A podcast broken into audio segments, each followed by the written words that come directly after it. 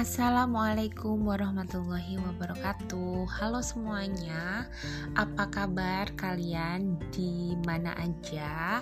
Semoga kalian semua dalam keadaan baik tanpa kurang suatu apa pun. Oke, okay, hari ini uh, podcast sendiri aja muncul lagi dan memang masih sendiri aja. Kebetulan hari ini adalah weekend, jadi saya bisa kembali berpodcast ria dan topik untuk podcast hari ini adalah tentang review dua buku Mindset dan Atomic Habit. Oke, so ini akan seru sekali soalnya dua buku ini uh, aku suka banget. Akhir-akhir ini aku memang baca buku-buku self improvement karena pastinya ingin merubah diri menjadi lebih baik. Dan pertama aku tuh beli buku mindset karena kalau ingin growth dulu uh, pingin berubah gitu pingin jadi lebih baik yang harus dibenerin adalah mindsetnya dulu. Dan memang bener juga aku mendapatkan banyak ilmu juga dari buku itu. Kemudian menurutku setelah mindset udah diperbaiki gitu udah di setting lagi udah bener gitu mindsetnya baru kita langsung action dengan merubah kebiasaan-kebiasaan kita. Kebiasaan-kebiasaan buruk kita rubah kita berusaha untuk memperbaiki kebiasaan-kebiasaan itu gitu. Jadi kita hilangkan kebiasaan buruk tapi kita ganti dengan kebiasaan yang lebih baik. Dan uh, buku kedua yang aku baca adalah Atomic Habit. Dan itu banyak banget dagingnya. Aku suka banget buku itu. Jadi dua buku itu aku favorite Atomic Habit sih. Meskipun mindset juga bagus. So mindset itu adalah buku yang ditulis oleh Carol Dweck. Dan untuk buku Atomic Habit ditulis oleh James Clear. So, oke, okay, apa aja sih insight atau mungkin poin-poin yang akan kalian dapatkan ketika nanti uh, membaca buku mindset. Nah, di sini aku akan mereview bukunya dan aku akan meng-share pada kalian tentang insight-insight yang aku dapat dari buku tersebut. So, jadi setiap pembaca itu pasti mereka punya insight sendiri-sendiri ya.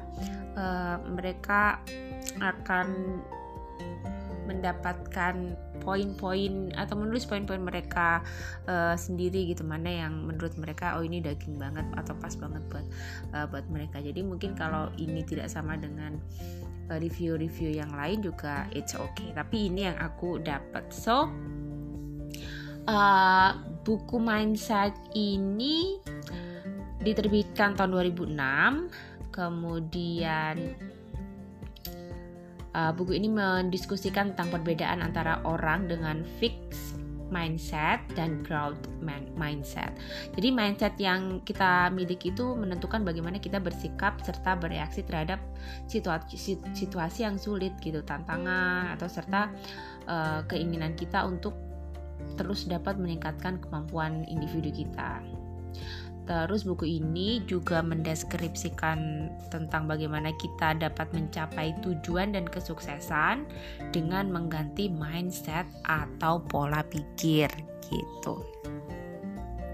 Nah, poin-poin utamanya ini apa saja ya yang ada di buku mindset ini? Yang pertama adalah mindset itu terbagi menjadi dua jenis yaitu fixed mindset dan growth mindset uh, berdasarkan studi yang dilakukan oleh penulis yaitu Carol Dweck jadi mindset terbagi menjadi dua tuh. Yang tadi fix man, mindset dan growth mindset. Kalau fix itu uh, dia tetap mindset yang tetap nggak bisa berubah nggak bisa berkembang gitu. Jadi kalau growth mindset dia adalah mindset yang pastinya bisa bertumbuh dan berkembang seperti kayak pemikiran yang sempit dan pemikiran yang masih bisa terbuka dengan ilmu-ilmu baru gitu dengan kemungkinan-kemungkinan baru kayak gitu sih menurutku terus poin kedua fix mindset itu ya, percaya bahwa kemampuan atau bakat bersifat tetap yang sudah melekat dalam setiap individu Nah, orang-orang dengan fix mindset percaya bahwa bakat atau talent adalah segalanya. Dalam pandangan mereka, kemampuan seseorang sudah ada atau ditakdirkan sejak lahir, melekat dalam setiap individu. Dan mereka percaya secara alami ke kepintaran atau intelijen dan bakat atau kebodohan dan ketidakmampuan sudah melekat dalam setiap individu dan akan tetap seperti itu. Nah, menurutku orang-orang yang kayak gini itu dia hanya mengandalkan apa ya talentnya aja gitu jadi oh aku udah punya talent ini nih aku udah pinter nyanyi kok suaraku udah bagus jadi aku nggak perlu latihan lagi. Nah kalau dia uh, pikirannya seperti itu pasti nanti akan disalib dengan yang lain-lainnya. Orang-orang yang bisa terus berlatih, mau terus berlatih terus kemudian akhirnya dengan berlatih dia menjadi bisa dan lebih baik di bidang itu dari pada orang yang meremehkan tadi. Dan ini juga terjadi dalam uh, hidupku sendiri. Ketika aku dulu mengandalkan satu apa ya satu mata pelajaran yang aku merasa aku bisa banget ah aku bisa banget ke ini aku nggak perlu belajar gitu kan. Uh, ya udah deh ini gampang. Terus temenku belajar mati-matian karena merasa pelajaran itu susah buat dia gitu. Nah giliran ujian aku bisa aku ngerasa ya udahlah bisa mengerjakannya gitu ya. Udah ngerjainnya kayak santai gitu. Dan hasilnya apa? Hasilnya temanku ternyata lebih bagus nilainya karena dia belajar gitu mati-matian gitu. So nah itulah uh, fix mindset. Misalnya ah, aku emang udah ditakdirkan bagus kok bermain olahraga basket misalnya. Udah bagus kok aku main basketnya. Udah aku memang punya talent untuk bermain basket ini sebagai seorang pebasket. Tapi kalau ada orang lain yang mungkin kelihatannya dia tidak punya bakat tapi dia terus berlatih dan berlatih akhirnya orang itu bisa uh, menjadi lebih baik dari kita gitu So fix mindset itu kurang lebih analoginya seperti itu. Next point, poin poin yang ketiga adalah orang-orang dengan growth mindset itu percaya dengan pertumbuhan dan perkembangan individu. Nah, ini kebalikannya ya, teman-teman. Jadi orang-orang dengan growth mindset percaya akan pertumbuhan dan perkembangan setiap individu dalam hubungan mereka mendorong pasangan untuk terus belajar dan mengembangkan diri. Terus saat berolahraga juga mereka percaya akan pengembangan diri sehingga mereka terus berlatih agar menjadi ahli sampai expert gitu. Terus ketika mereka menjalankan bisnis juga mereka menunjukkan rasa hormat kepada karyawan, berterima kasih atas pekerjaan mereka dan meminta pendapat jujur tentang berbagai hal. Betapapun uh, itu ya, jadi apa ya mereka itu mempunyai pikiran yang terbuka aja gitu mereka menerima semua uh, perubahan dan percaya uh, kalau mereka mau berlatih mereka mau lebih maju lagi dan belajar itu mereka akan bisa sukses seperti itu. Terus orang-orang dengan growth mindset melihat uh, masalah sebagai tantangan bukan hambatan. Jadi oh ada masalah nih, wah ini tantangan nih kayaknya. Uh, kalau aku bisa melewati tantangan ini aku akan bisa menjadi lebih baik. Aku akan dapat ilmunya akan dapat pengalamannya. Dan di situlah aku dikatakan sukses gitu Terus mereka rela mengerahkan energi mereka untuk terus memperbaiki diri dan lingkungan mereka pastinya. Itulah orang-orang growth mindset. Orang-orang yang pokoknya terus mau belajar gitu. Ah, aku nggak punya bakat nggak apa-apa. Yang penting aku tetap mau belajar, aku tetap mau berlatih, sehingga belajar dan berlatih itulah yang akan mengantarkan mereka pada kesuksesan. Kalau mereka serius, pastinya dalam belajar dan berlatih itu. Next point keempat, orang-orang dengan fixed mindset cenderung mencari persetujuan, namun orang-orang dengan growth mindset itu mencari pengembangan. Jadi eh, orang-orang uh, fixed mindset itu cenderung ingin menjadi satu-satunya pemenang gitu. Ya udah aku, aku nih yang paling hebat gitu.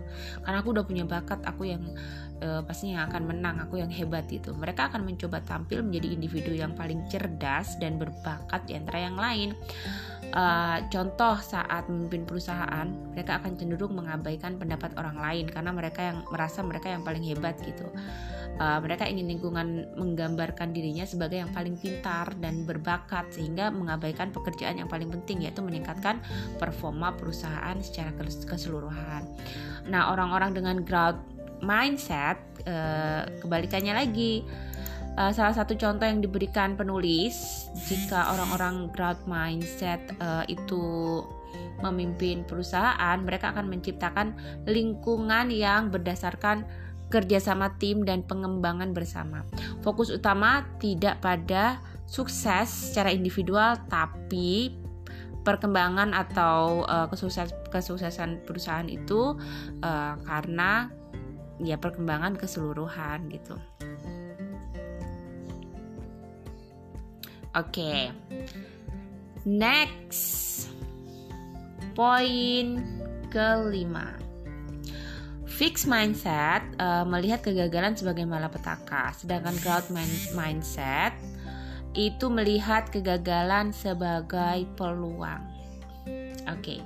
Jadi kegagalan memiliki dampak yang dramatis pastinya bagi orang-orang fix mindset karena orang-orang dengan fixed mindset tidak percaya bahwa mereka bisa belajar dari kesalahan mereka. Mereka melihat satu kegagalan sebagai bukti bahwa mereka akan menjadi seorang yang gak layak. Satu kekalahan bagi mereka akan meniadakan dan merendahkan semua kesuksesan yang pernah diraih di masa lalu gitu. Oh aku dulu sukses sukses sekali gagal udah drop aja dia gitu. Udah kayaknya aku nggak bisa. Aku kayaknya pecundang nih. Aku kayaknya eh, nggak uh, menyerah aja nih gitu tuh orang fixed mindset terus untuk mempertahankan kepercayaan diri yang mereka uh, saat apa ya saat mengalami kegagalan itu Orang-orang dengan fixed mindset cenderung membuat alasan, menipu atau kehilangan minat dan berpaling ke arah lain gitu. Misalnya gagal, ah iyalah kan gara-gara dia, kan gara-gara itu. Jadi dia cari-cari kesalahan-kesalahan yang lain gitu. Nggak nggak bagaimana caranya dia memperbaiki dirinya gitu. Mereka tidak mencari bantuan atau menganalisis kelemahan mereka dan mereka tidak berusaha menjadi lebih baik dengan terus berlatih gitu. Jadi cari-cari alasan aja, akan karena ini itu, aku, aku kan begini karena itu gitu-gitu. Nah, berbanding terbalik pastinya dengan orang-orang growth mindset karena saat mengalami kegagalan orang-orang growth mindset ini akan melihat diri sendiri dan berusaha untuk belajar dari kegagalan apa yang menjadi gagal, hal apa yang harus dipelajari sehingga selanjutnya dapat meraih keberhasilan. Mereka akan menganalisis kegagalan yang dialami, terus berlatih dan meminta saran dari orang lain. Itu orang-orang growth mindset. Terus poin keenam, orang-orang dengan fixed mindset akan menghindar dari kesulitan, sedangkan growth mindset cenderung lebih menikmati kesulitan atau tantangan. Nah, saat orang-orang fixed mindset itu menghadapi sesuatu yang sulit, yang mereka lihat itu adalah resikonya. Wah, ini resikonya besar nih gitu. Kayaknya harus dihindari, kayaknya harus uh, banyak alasan gitu untuk menjadikannya tidak mau mengalami kesulitan itu atau melalui kesulitan itu gitu. Hal tersebut karena orang-orang uh, fixed mindset beranggapan semakin banyak waktu dan energi yang mereka berikan untuk sesuatu hal, maka semakin sedikit alasan yang mereka uh, yang mereka miliki jika gagal. Mereka percaya juga dengan bakat alami sehingga bagi mereka orang yang berbakat tidak perlu berusaha terlalu keras untuk berhasil gitu. Wah, ini kayaknya bener-bener aku dulu pernah mikir kayak gini sih tapi uh, percayalah percaya. Don't judge the book by its cover. Pokoknya kalian tuh kalau nemu orang seperti apa pun jangan dijudge dulu. Siapa tahu orangnya berubah seperti saya sekarang. Akhirnya kan kalau seiring berjalannya waktu kita banyak berteman kemudian membaca buku akhirnya pikiran-pikiran kita juga bisa berubah dan terus ilmu-ilmu baru juga bisa masuk. Akhirnya kita juga bisa berubah jadi lebih baik gitu kan Terus cara berpikir itu tuh membuat orang-orang fix mindset sulit untuk berkembang pastinya ya tanpa mempertanyakan bakat mereka sehingga mereka akan menghindar dari sesuatu yang sulit. Mereka tidak ingin menimbulkan potensi di mana mereka terlihat bodoh karena adanya potensi kegagalan. Kayaknya kalau ada tantangan ah nggak bisa nih. Padahal dari di hati kecil mereka udah kayak gitu. Tapi di sisi lain hmm, aku bisa soalnya aku udah berpakat di bidang ini tapi mereka cenderung juga menghindari tantangan ini karena kalau dia gagal ya dia akan jadi pecundang gitu. Dia akan dilihat orang ah ternyata dia gagal ternyata dia nggak sukses gitu kan. Dia akan malu gitu. Nah orang-orang dengan growth mindset melihat tantangan sebagai peluang untuk tumbuh karena mereka cenderung menolak uh, status quo mereka akan belajar dari kesulitan tersebut dan mencoba untuk mencari cara agar berhasil keluar dari kesulitan tersebut dan menjadi sukses. Itu dia tuh. Nomor oke okay, next. Poin selanjutnya. Poin 7 mindset sangat dipengaruhi oleh panutan atau role model saat kita kanak-kanak menurut penulis ya ini si Carol Dweck perkembangan mindset dimulai dari lahir uh, bayi lahir dengan growth mindset. Mereka ingin belajar dan tumbuh sebanyak mungkin setiap hari.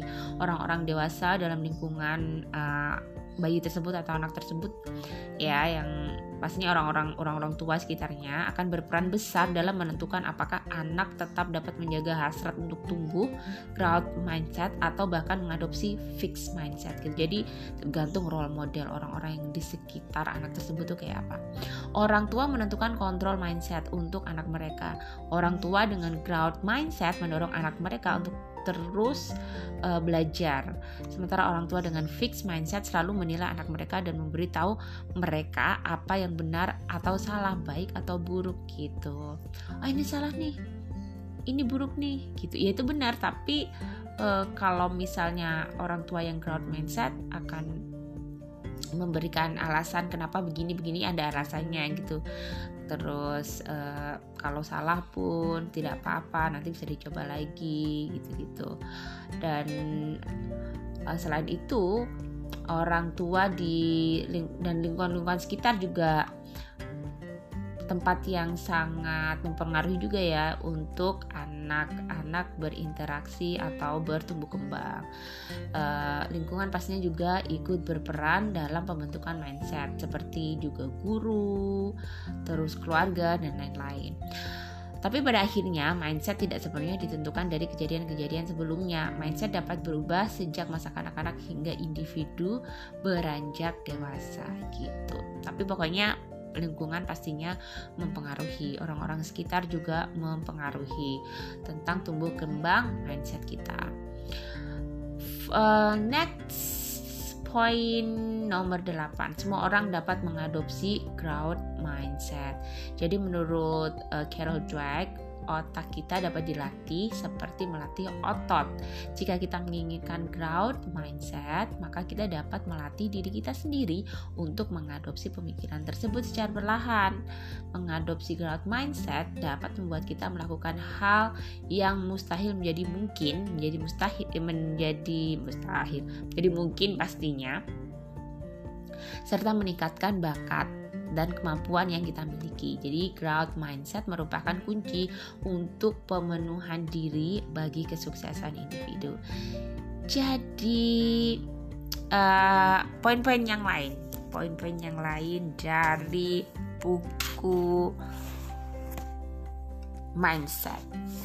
So, jangan meremehkan kemampuan orang. Orang tuh bisa berubah lebih baik asal dia mau berusaha berlatih dan bekerja keras. Orang yang merasa dia punya bakat dan tidak mau belajar, uh, tidak mau belajar lagi akan kalah dengan orang yang tidak punya bakat tapi masih mau belajar gitu, masih mau berlatih. Kemudian untuk memberi penghargaan pada seseorang, jangan memuji karakter karakternya tapi pujilah usahanya gitu. Contohnya gini. Ada anak nih uh, dia dapat nilai ujian matematika 100 misalnya. Kita kalau muji jangan gini, "Oh, si Andi misalnya nama anaknya. Oh, si Andi kamu dapat nilai 100 ujian matematika, pintar sekali." Jangan gitu. Kalau seperti itu menurut uh, buku mindset ini itu sama dengan memuji karakternya, tapi ya lebih baik sebaiknya kita memuji usahanya jadi kita ganti pujiannya dengan gini oh Andi kamu dapat nilai 100 ujian matematika. Pasti kamu sudah belajar giat selama ini. Gitu. Jadi kita memuji bukan karakternya. Pasti kamu pintar pasti kamu berbakat pasti kamu jago matematika. Pasti kamu belajar selama ini ya berlatih kamu rajin uh, belajarnya gitu. Jadi kita puji usahanya. Nah mindset tetap itu menurutku uh, orang-orang pesimis sih. Orang-orang pesimis bisa juga orang-orang pesimis ya. Dan juga kalau mindset tumbuh itu menurutku adalah orang-orang yang optimis Kemudian kalau dalam hubungan rumah tangga kita juga harus punya mindset tumbuh bahwa jika ada beberapa hal yang kita tidak suka dari pasangan itu juga bisa dikomunikasikan supaya ada perubahan yang lebih baik. Uh, karena proses komunikasi dan perubahan pasangan itu um, bisa kita bantu juga gitu. Misalnya uh, pasangan kita ber sifat pasangan kita bersifat yang tidak sama dengan kita atau mungkin menyebalkan atau mungkin gampang nggak rapi gitulah uh, dalam rumah tangga. Saya kok mikir kalau memberi contoh uh, tentang rumah tangga ya, karena belum berumah tangga sih. Jadi so oke. Okay uh, sekarang yang saya bayangkan bukan rumah tangganya ke dalam suatu rumah tangga saya membayangkannya karena sering tinggal di kos-kosan sama teman-teman jadi itu aja. Kita kita tuh suka bersih-bersih nah teman-teman kita nggak nggak rapi gitu suka naruh barang sembarangan suka buang sampah sembarangan. Nah, kayak gitu kita bisa komunikasikan dengan teman kita. Kita mungkin uh, contoh uh, beri contoh dengan rapi-rapi dulu kita sendiri yang rapi. Kemudian teman kita kita kasih tahu kita ajari kita komunikasikan. Dan kita uh, kalau mengajari hal-hal yang baik kemudian teman kita juga akhirnya berubah menjadi lebih baik. Nah, di situ juga kita percaya bahwa uh, orang juga bisa berubah dengan bantuan kita. Dan itu adalah growth mindset tapi kalau dalam rumah tangga kayaknya ngeri juga sih. Uh, ngeri. Nah ini ini ini ini, ini sudah mulai ini mindset yang satunya tumbuh. Uh, soalnya ngerinya di dalam prosesnya itu sih proses ketika kita mengingatkan pasangan-pasangannya masih menjengkelkan harus yang rapi dong jangan taruh uh, pakaian gini-gini. Nah itu prosesnya. Itu memang harus sabar sih orang ground mindset mindset harus sabar dan saya juga masih belajar untuk menjadi itu. Kita semua belajar ya teman-teman. Oke, okay, so uh, skill atau kerja, kecerdasan itu bisa dikembangkan pastinya. Dan jangan menilai orang, jangan menilai orang uh, dari luarnya. Jangan menilai kalau orang ini ah bodoh ah, orang ini uh, tidak bisa ah tapi kalau mereka mau belajar mau berlatih pasti mereka bisa berkembang atau pasti mereka malah lebih baik dari kita gitu. Terus kalau ada masalah harus dihadapi. Terus kalau ada orang-orang yang punya masalah juga harus kita rangkul gitu. Kita kalau kita punya teman-teman yang lagi ada masalah yang sedih sebaiknya juga kita kasih masukan-masukan gitu. Kemudian fokus terus belajar dan fokus untuk menjadi pribadi yang lebih baik. Kemudian kalau ada tantangan atau ada cobaan atau ada rintangan itu dilalui aja dinikmati aja dan jangan menyerah pastinya. Uh, percayalah bahwa usaha adalah jalan menuju sukses. Kalau ada kritik jangan dihindari tapi belajar dari kritik. Kritik-kritik yang membangun ya yang pastinya. Terus belajarlah dari kesuksesan orang lain dan juga belajar dari kesalahan-kesalahan di masa lalu karena kesalahan adalah kesempatan untuk belajar uh, belajar kita menjadi lebih baik lagi. Oke, itulah poin-poin dari buku mindset mindset. Sekarang kita menuju ke buku yang kedua, review buku yang kedua yaitu Atomic Habit dari James Clear. Nah, di situ tuh ada kutipan-kutipan ya. Di buku itu aku suka banget. Aku juga nulis kutipan-kutipannya nih di sini nih. Kebahagiaan tidak dapat dikejar. Kebahagiaan harus terjadi. Nah, ini indah banget nih. Jadi, kebahagiaan itu tidak dapat dikejar nggak bisa. Kamu kalian tuh kita nggak bisa. Nggak bisa ngejar kebahagiaan. Sampai kapan kebahagiaan itu akan dikejar dicari-cari? Nggak ada. Harus terjadi. Maksudnya harus terjadi gimana? Ya kita yang menciptakan kebahagiaan itu. Gak usah ke mana-mana. Aku bahagia kalau aku uh, bersamanya. Uh, ya kita pastinya bakalan ngejar-ngejar dia terus gitu. Uh, aku bahagia kalau aku berada di pantai gini. Ya pastinya kita akan mencari-cari jalan untuk ke pantai gitu mengada-adakan cara-cara yang mungkin kita lagi nggak bisa gitu untuk ke pantai. Nggak perlu nggak perlu kayak gitu nggak perlu kebahagiaan. Kita tuh nggak perlu bergantung pada siapa pun dan dikarenakan apa pun. Jadi kita aja sendiri yang menciptakan dari hal-hal kecil. Kita bisa bangun di pagi hari dengan keadaan sehat tanpa kurang suatu apa pun. Bisa menghirup udara yang segar tanpa polusi melihat langit yang cerah dan biru mendengarkan burung-burung berkicau melihat pohon-pohon yang hijau yang menyebabkan menyegarkan mata kita tumbuhkan kebahagiaan dari situ gitu nah itu kutipannya Terus ada lagi, jangan mengejar kesuksesan. Semakin kita mengejar kesuksesan dan menjadikannya target atau sasaran, semakin kita akan merindukannya. Untuk sukses seperti kebahagiaan ya, tidak dapat dikejar, tapi harus terjadi. Sukses dan bahagia hanyalah dampak atau efek samping yang tidak disengaja ketika seseorang bertekad mendapatkan sesuatu yang lebih besar daripada diri sendiri atau uh, sebagai produk sampingan dari kebiasaan-kebiasaan baik yang kita lakukan. Jadi sukses itu proses. Prosesnya adalah dengan berubah kebiasaan buruk menjadi kebiasaan baik yang akhirnya akan menimbulkan dampak yaitu kesuksesan dan kebahagiaan-kebahagiaan itu oke jadi nggak usah dikejar sukses tuh. Kalau dikejar lari terus. Jadi yang ada-ada aja sekarang. Jangan mikirnya oh, aku pengen jadi orang sukses miliarder ABCD ABCD tapi kamu hal-hal kecil aja yang masih uh, apa semrawut di dalam hidup kamu belum kamu belum kamu perbaiki gitu misalnya kayak bangun selalu siang terlalu terlambat. Yang misalnya yang muslim melaksanakan sholat subuhnya kesiangan menjadi sholat duha dan seterusnya. Disiplin aja dulu terus habis itu uh, kita harus menjaga kebersihan dan kerapian. Dari itu itu aja dulu. Sering berolahraga makan makanan yang sehat. Pokoknya apa pun kebiasaan-kebiasaan yang buruk mulai harus di hilangkan, dijadikan kebiasaan yang baik. Terus ada kutipan lagi. Ini kutipan-kutipan dulu, but it's okay.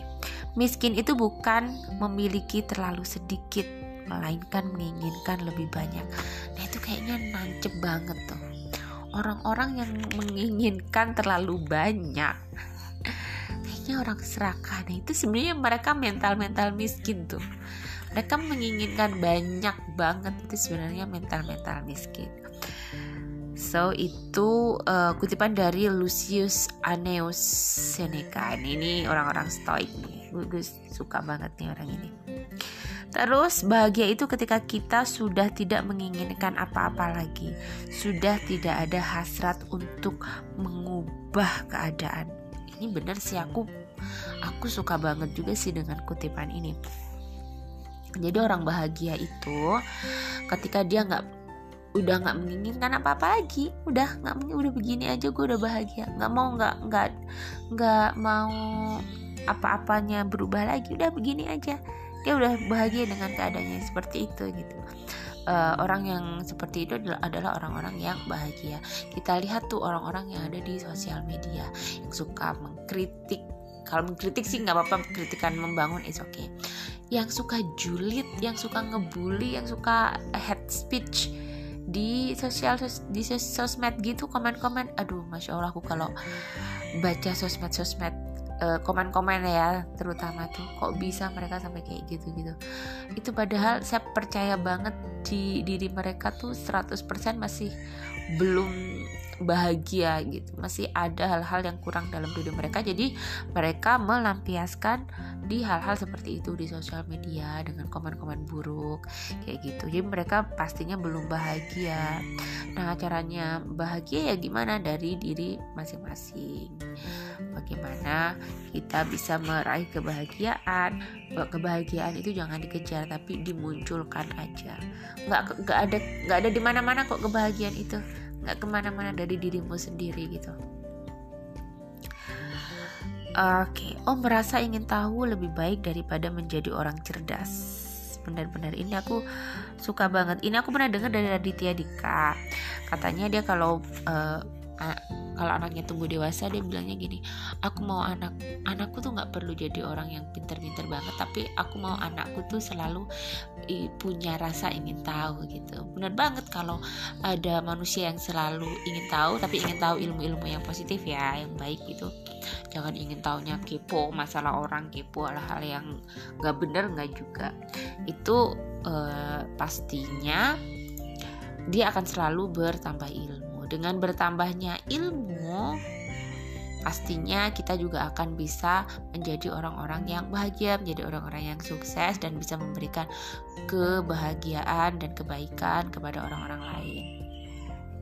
Nah, so uh, buku Atomic Habit ini yang ditulis oleh James Clear ini itu uh, intinya tiada seribu langkah tanpa satu langkah kecil yang memulainya. Pastinya ya. Jadi itu kalimat yang mendefinisikan apa itu atomic habit. Kemudian seseorang yang ingin memperbaiki diri itu kebanyakan hanya berfokus akan hasil dan uh, ya hasil atau ganjaran yang akan mereka dapatkan. Tapi uh, seseorang seseorang itu mengira apabila ia ingin mengubah hidupnya menjadi lebih baik dia perlu uh, perubahan besar pada dirinya. Padahal pada dasarnya perubahan-perubahan uh, yang hebat itu yang mereka temukan adalah gabungan dari ratusan bahkan ribuan hal-hal kecil yang uh, dilakukan sebelumnya. Nah, dalam buku Atomic Habit itu menegaskan bahwa perubahan hal-hal kecil yang dianggap remeh atau bahkan sering tidak dihiraukan justru uh, salah satu faktor yang berperan besar dan akan tumbuh menjadi hal-hal luar biasa dalam hidup. Nah, uh, membuat perbedaan ke arah lebih baik satu persen setiap harinya, seperti contoh memulai hari dengan meminum air putih rutin, menimbang berat badan, menimbang berat badan. Aduh, aku nggak sih kalau itu bisa insecure untuk cewek. Oke, okay. minum air putih ya sih aku uh, tiap bangun tidur minum air putih perapikan kamar pasti. Setelah bangun tidur kamarku rapi selalu. Kalau enggak stres juga. Dan proses kecil lainnya ya. Tapi uh, proses satu persen itu akan menentukan siapa kita sekarang dan siapa kita nanti apabila kita mempraktekkan hal itu secara terus menerus uh, permasalahannya pemenang dan pecundang memiliki tujuan yang sama. Nah itu kutipan juga kutipan merupakan salah satu kutipan juga yang ada di buku uh, Atomic Habit yang menyadarkan bahwa uh, benar pemenang dan pecundang memiliki tujuan yang sama. Jadi uh, buku Atomic Habit menjelaskan bahwa yang membedakan antara winners dan losers adalah sistem yang mereka uh, ampuh. Seorang pemenang ia akan terbiasa bersemangat dalam mengerjakan hal yang sama berulang-ulang, memperbaiki diri sedikit demi sedikit dengan konsisten, uh, dan ia juga jatuh cinta akan kebosanan hard nggak jatuh cinta langsung ya tapi dia harus atau mencoba uh, jatuh cinta dengan kebosanan. Ya kan? Gimana? Enggak kalau kita melakukan hal secara rutin berulang-ulang bangun pagi terus membersihkan tempat tidur terus merapikan tempat tidur terus kan bosen ya. Kebanyakan orang-orang tuh yang nggak tahan tuh bosennya gitu. Tapi dari situlah pemenang uh, harus harus menyukai dan mencintai kebosanan harus rutinitas harus memang benar-benar uh, konsisten istiqomah dijalankan gitu Nah, kalau pecundang dia hanya akan bergairah ketika mendapatkan hasrat, lalu bosan ketika hasrat mereka menurun dan pada akhirnya ia hanya akan mencari alasan untuk melewatkannya gitu. Jadi eh, nggak uh, bisa konsisten, nggak bisa istiqomah. Ah bosan ah di tengah-tengah pasti udah bosan. Awal-awalnya semangat, oh iya iya kayaknya, uh, uh. habis gitu di tengah-tengahnya mereka bosan terus oh lagi kebiasaan buruk lagi terjadi. Nah, kemudian pada buku ini juga membagi bagaimana cara menciptakan kebiasaan baik dan bagaimana mempertahankannya menjadi uh, oh dan bagaimana cara mempertahankannya. Terus kebiasaan baik ini oh bagaimana membangun kebiasaan baik atau menciptakan kebiasaan baik dan mempertahankannya. Nah, ini ini caranya nih. Pertama, menjadikannya terlihat. Nah, menjadikannya terlihat itu uh, dengan menghubungkan sebuah kebiasaan baik dengan sebuah petunjuk. Nah, ini bisa tergantung situasinya. Apabila seorang ingin menurunkan berat badan, maka apabila uh, ia melihat lift ya ia akan menggunakan tangga aja gitu. Atau kalau misalnya ada alat untuk ini aku ada alat apa namanya? Tremor. Yang itu loh yang buat olahraga set, set uh, pinggangnya yang bisa muter-muter itu. Nah jangan disembunyikan. Kita buat dia tampak di depan mata kita supaya um, keinginan kita untuk berolahraga itu ada gitu. Jadi kita jadikan uh, terlihat gitu. Misalnya kita mau belajar bahasa Inggris nih terus bagaimana ya caranya supaya aku konsisten belajar bahasa Inggris dan aku menguasai bahasa ini gitu. Untuk suatu tujuan tertentu pastinya untuk kebaikan kita perlihatkan aja tuh buku-buku bahasa Inggris depan mata kita gitu. Kemudian menjadikannya menarik. Nah, uh, perlunya membuat kebiasaan yang kita mulai itu uh, menjadi kebiasaan yang menarik itu sesungguhnya uh, harus dijadikan pengalaman yang menyenangkan. Nah, kalau kebiasaan itu menyenangkan akan memotivasi kita untuk melakukan kebiasaan itu terus-menerus. Contohnya uh, menggunakan tangga. Uh, kita bisa membuatnya menyenangkan dengan menggabungkan hal itu uh, dengan hobi kita. Jadi karena kita hobinya berolahraga, jadi kita pikirkan aja, oh, kalau aku olahraga berarti aku akan menjadi sehat. Oke, kemudian menjadikannya menarik atau bisa menjadikannya menarik. Jadikanlah kebiasaan itu menarik. Kalau misalnya kalian ingin berbahasa Inggris yang seperti tadi eh, mungkin buku-buku kalian juga bisa dihias-hias gitu sih. Kalau aku sih dulu begitu. Uh, oh kalau aku dulu matematika karena aku nggak suka banget matematika ya. Makanya logikanya agak agak uh, low juga ini. Karena orang-orang yang suka matematika itu orang-orang yang logis ya. So itu aku lebih suka bahasa. Hmm, jadi waktu aku belajar matematika itu aku hias buku buku-bukunya tuh aku hias gitu. Aku kasih tempel-tempelan apa lagi tuh dulu macam-macam. Jadi setiap buku, baca buku buka buku matematika itu wah bukunya rame gitu. Menarik. gitu. Itu itu itu, itu contoh contohku sendiri dan kala itu kemudian menjadikannya mudah Nah, kita perlu menciptakan sebuah kebiasaan menjadi mudah. Jadi, salah satu yang dapat kita lakukan ialah menciptakan lingkungan tempat melakukan kebiasaan baik menjadi nyaman dan tanpa hambatan. Nah, karena kita biasanya malas, malas untuk melakukan kegiatan tersebut. Nah, jadi kita uh, membuat kebiasaan itu menjadi mudah dilakukan. Kemudian menjadikannya memuaskan. Jadi sebuah proses akan terlihat memuaskan apabila kita memiliki perasaan bahwa kita mengalami kemajuan. Nah, dengan ini kita perlu membuat pemantauan akan kebiasaan dan proses kita. Ini bisa ditandai mulai dari penandaan pada kalender atau mencatat perkembangan latihan kita. Pemantauan kebiasaan ini memberikan kepuasan kepada kita karena sama-sama menyediakan bukti tentang kemajuan kita. Nah, beberapa bulan lalu aku e, mempraktekkan atomic habit ini nih.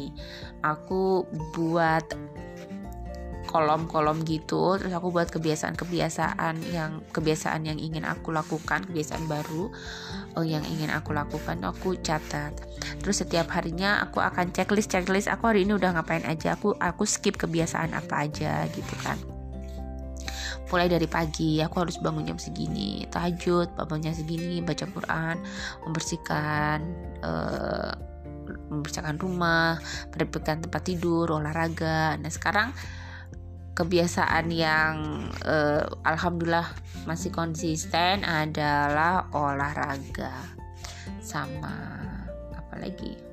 Menulis pastinya menulis membaca buku. Kalau itu sih dari dulu ya kebiasaan apa lagi? Aku tuh uh, karena memang hal-hal kecil itu tuh aku udah memang sel selalu melakukannya dari dulu gitu okay. kemudian apa lagi? Oke oke oke. So poin-poin yang lain lagi ya, poin-poin yang lain lagi ya dari buku Atomic Habit ini. Jadi teman-teman kebiasaan itu adalah bunga majemuk Okay. kok bunga majemuk ya? Bunga majemuk itu kan bunga yang kalau apa ya? Misalnya uang, uang kita kita simpen di bank terus habis itu uang kita berbunga selama setahun uang kita berbunga kita nggak ambil uang kita terus kita tetap aja taruh di bank bunganya kan akan bertambah lagi bergulung lagi dengan uh, bunga bertambah lagi bunganya di tahun depan bertambah-tambah. Nah, kebiasaan juga seperti itu. Kalau kebiasaan buruk kita nggak segera kita hilangkan, nggak segera kita rubah, itu akan semakin menguat dan mengakar gitu.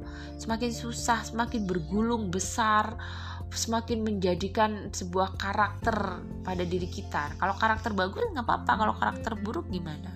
Gitu.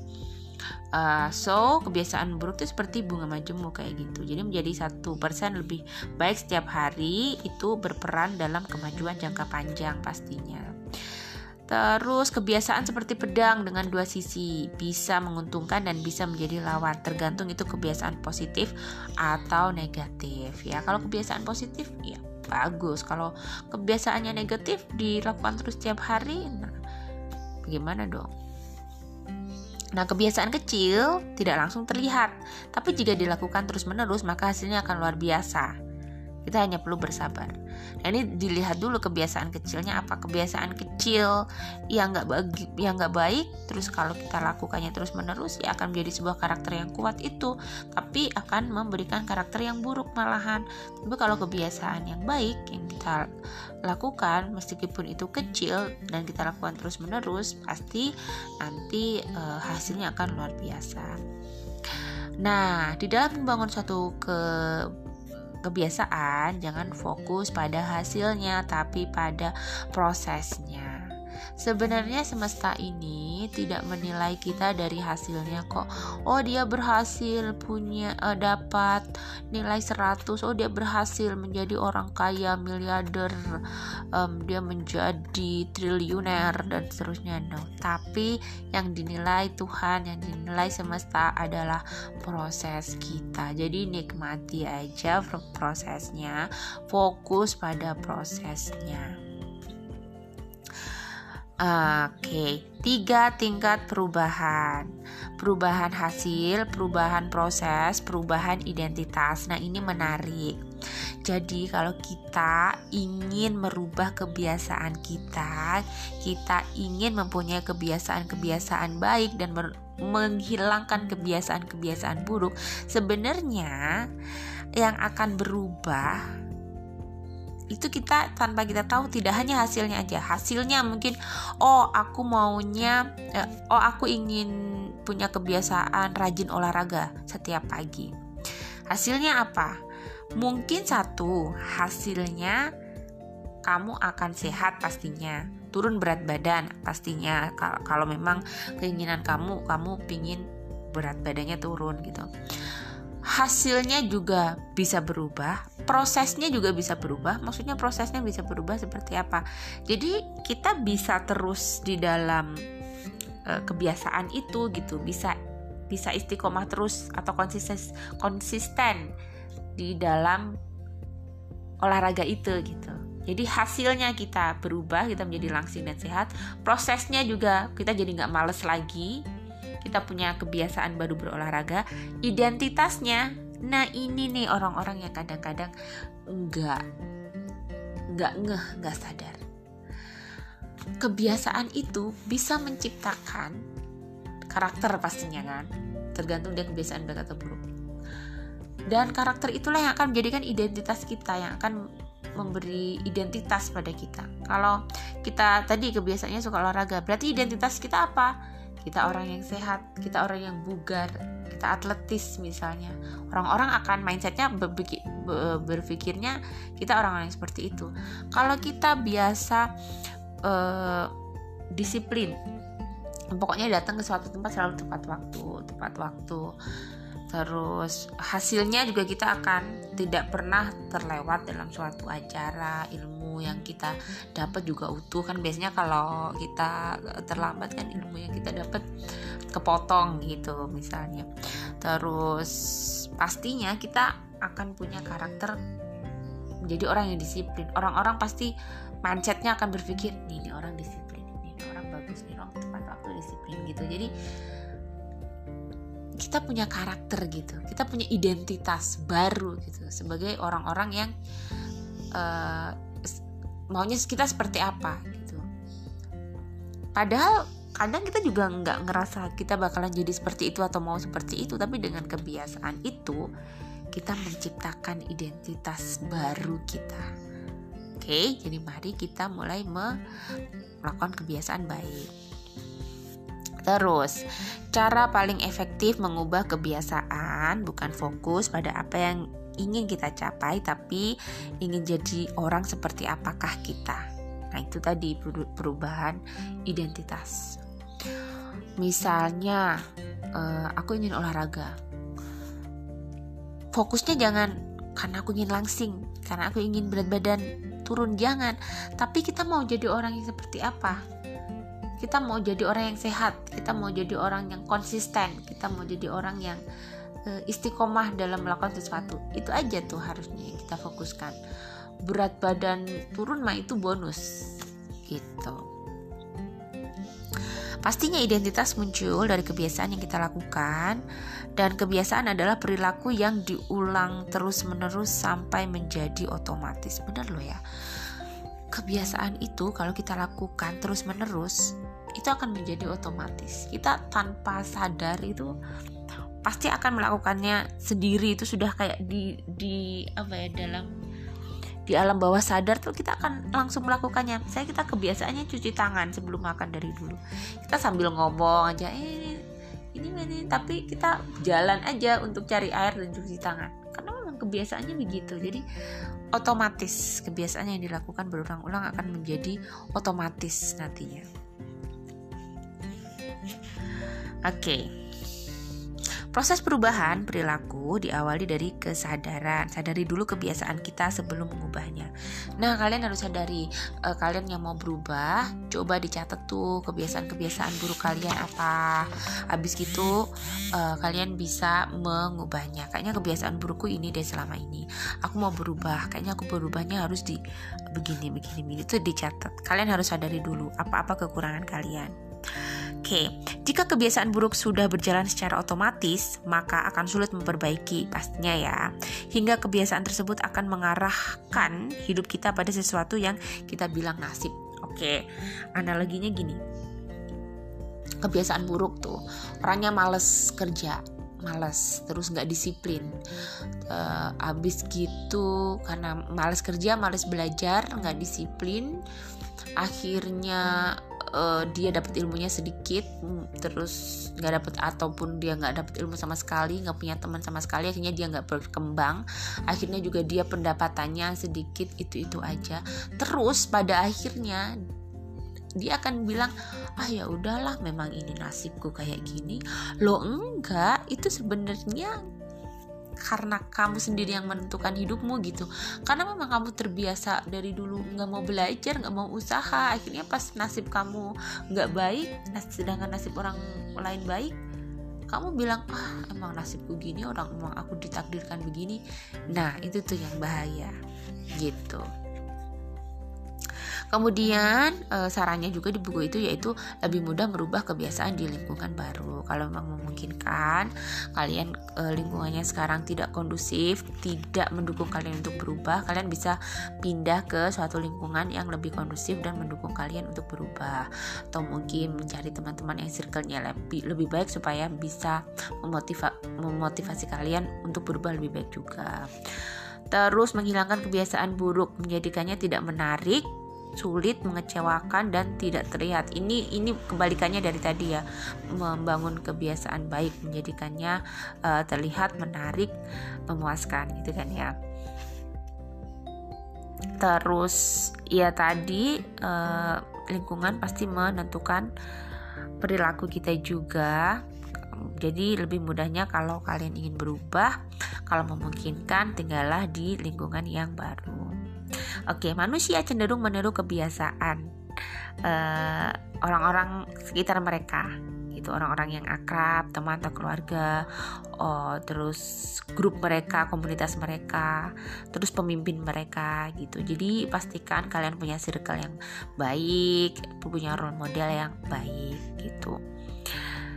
Terus, oke, okay, pastinya untuk merubah kebiasaan, uh, hal yang uh, harus kalian lakukan adalah kalian langsung praktek, langsung latihan, jangan hanya bikin-bikin rencana.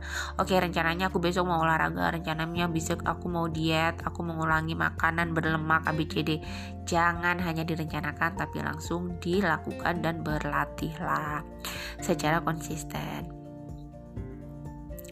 Oke, kebiasaan itu sebenarnya dapat diselesaikan dalam beberapa detik, dapat dilakukan dalam beberapa detik gitu. Tapi dampaknya akan uh, kalau lama-lama ya pastinya akan luar biasa gitu. Dampaknya bisa lama juga, bisa bermenit-menit, berjam-jam dan seterusnya. Misalnya makan dengan uh, apa ya, cap cap cap cap gitu, itu bisa sekian detik aja tapi itu kan dampaknya luar biasa luar biasa juga ke nanti nantinya kalau misalnya kalian uh, lagi makan sama apa ya orang-orang yang eh, orang-orang berkelas misalnya nanti terus kok makannya gitu kan nanti orang jadi ilfil atau kalian di uh, dilihat orang dan uh, punya karakter yang bagaimana gitu kan pasti orang akan tahu nih kok makannya ah gitu. Aku aja kalau lihat orang makan gitu oh agak-agak risih juga gitu jadi itu contoh-contoh aja contohnya Oke, okay, pelaksanaan kebiasaan baru hitung selama 2 menit, cepat lakukan dan jangan sampai lebih dari 2 menit. Oke. Okay. Aku mau olahraga. Oh, masih lemes nih, masih ngantuk. Hitung selama 2 menit. Jangan sampai lebih dari 2 menit. Kalau lebih dari 2 menit, udah tuh setan udah menggerogoti dirimu gitu. Udah susah nanti untuk bangkit. Kemudian manusia lebih mengharapkan imbalan langsung daripada imbalan uh, tertunda ya. Jadi ya emang lah manusia tuh begitu. Jadi kalau kita membangun kebiasaan itu imbalannya nanti. Nanti kebiasaan kita harus terjadi dulu secara terus menerus secara otomatis. Nggak bisa langsung kita sekali olahraga habis itu langsung uh, langsing jret gitu. Turun 10 kilo kan nggak bisa. Nanti imbalannya nanti. Nah itu dia manusia yang susah. Nggak sabaran sama kayak gue. Hmm. Oke kita sama-sama masih belajar ya oke Terus meskipun uh, baru baru baru berubah sedikit, rasakan bahwa kita sudah mengalami kemajuan. Jadi aku kok baru berubah sedikit nih, uh, aku cuma gini-gini aja bisanya enggak. Kita syukuri aja. Kita uh, berpikir positif kita udah maju. Nah, pantau kebiasaan dengan membuat catatan tadi sudah. Terus jangan bolos, jangan mangkir dari kebiasaan lebih dari dua kali. Oke, okay? kalau misalnya maunya olahraga setiap pagi, itu jangan sampai kalian skip dua kali dua hari jangan terus buat kontrak kebiasaan saat-saat melanggar tuh kalian harus punya hukuman buat diri kalian sendiri dan kemudian kebiasaan akan mudah jika selaras dengan kemampuan alami. Pilih kebiasaan yang sesuai dengan kamu. Apa tuh kebiasaan-kebiasaan yang kamu suka aja itu. Tapi kebiasaan kadang juga, oh aku nggak suka bangun pagi, ya harus dilatih berarti. Nggak harus yang kamu suka lah. Uh, hal-hal yang tidak suka semua itu kalau kebiasaan baik itu pastinya harus harus dihadapi itu harus dikalahkan diri kalian sendiri harus dikalahkan Ancaman terbesar membentuk kebiasaan bukan kegagalan tapi kebosanan. Tadi tadi udah dibahas juga.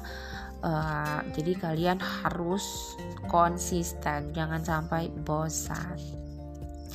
Nah, perbedaannya orang profesional bertahan pada jadwal yang sudah dibuat, jadi dia ah nggak nggak nggak alasan bosan-bosan.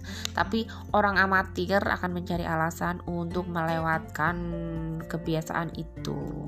Ah, karena aku capek, karena semalam begadang, karena aku kan banyak kerjaan, jadi aku nggak olahraga. Jadi nggak, itu nggak profesional, itu amatir.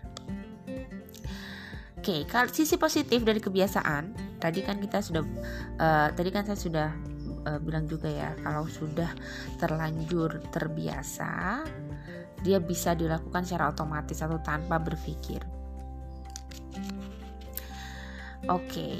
uh, eh, makin kuat kita berpegang pada identitas, makin sulit untuk tumbuh atau terlalu idealis gitu. Jadi kalau kalian maunya uh, jadi malas gitu orang, ah udah aku begini mah begini aja aku orangnya begini begininya itu kita susah untuk tumbuh tindakan kita mengungkapkan seberapa besar keinginan kita. Kalau kalian cuma rencana-rencana aja nggak ngomong-ngomong aja ya berarti kalian keinginannya untuk berubah nggak nggak besar-besar banget gitu. Jadi kalau kalian langsung melakukan suatu tindakan langsung uh, berbuat gitu Nah, orang akan tahu. Berarti kamu memang punya mimpi yang besar. Untuk kamu bisa sukses, kamu bisa uh, berubah menjadi lebih baik.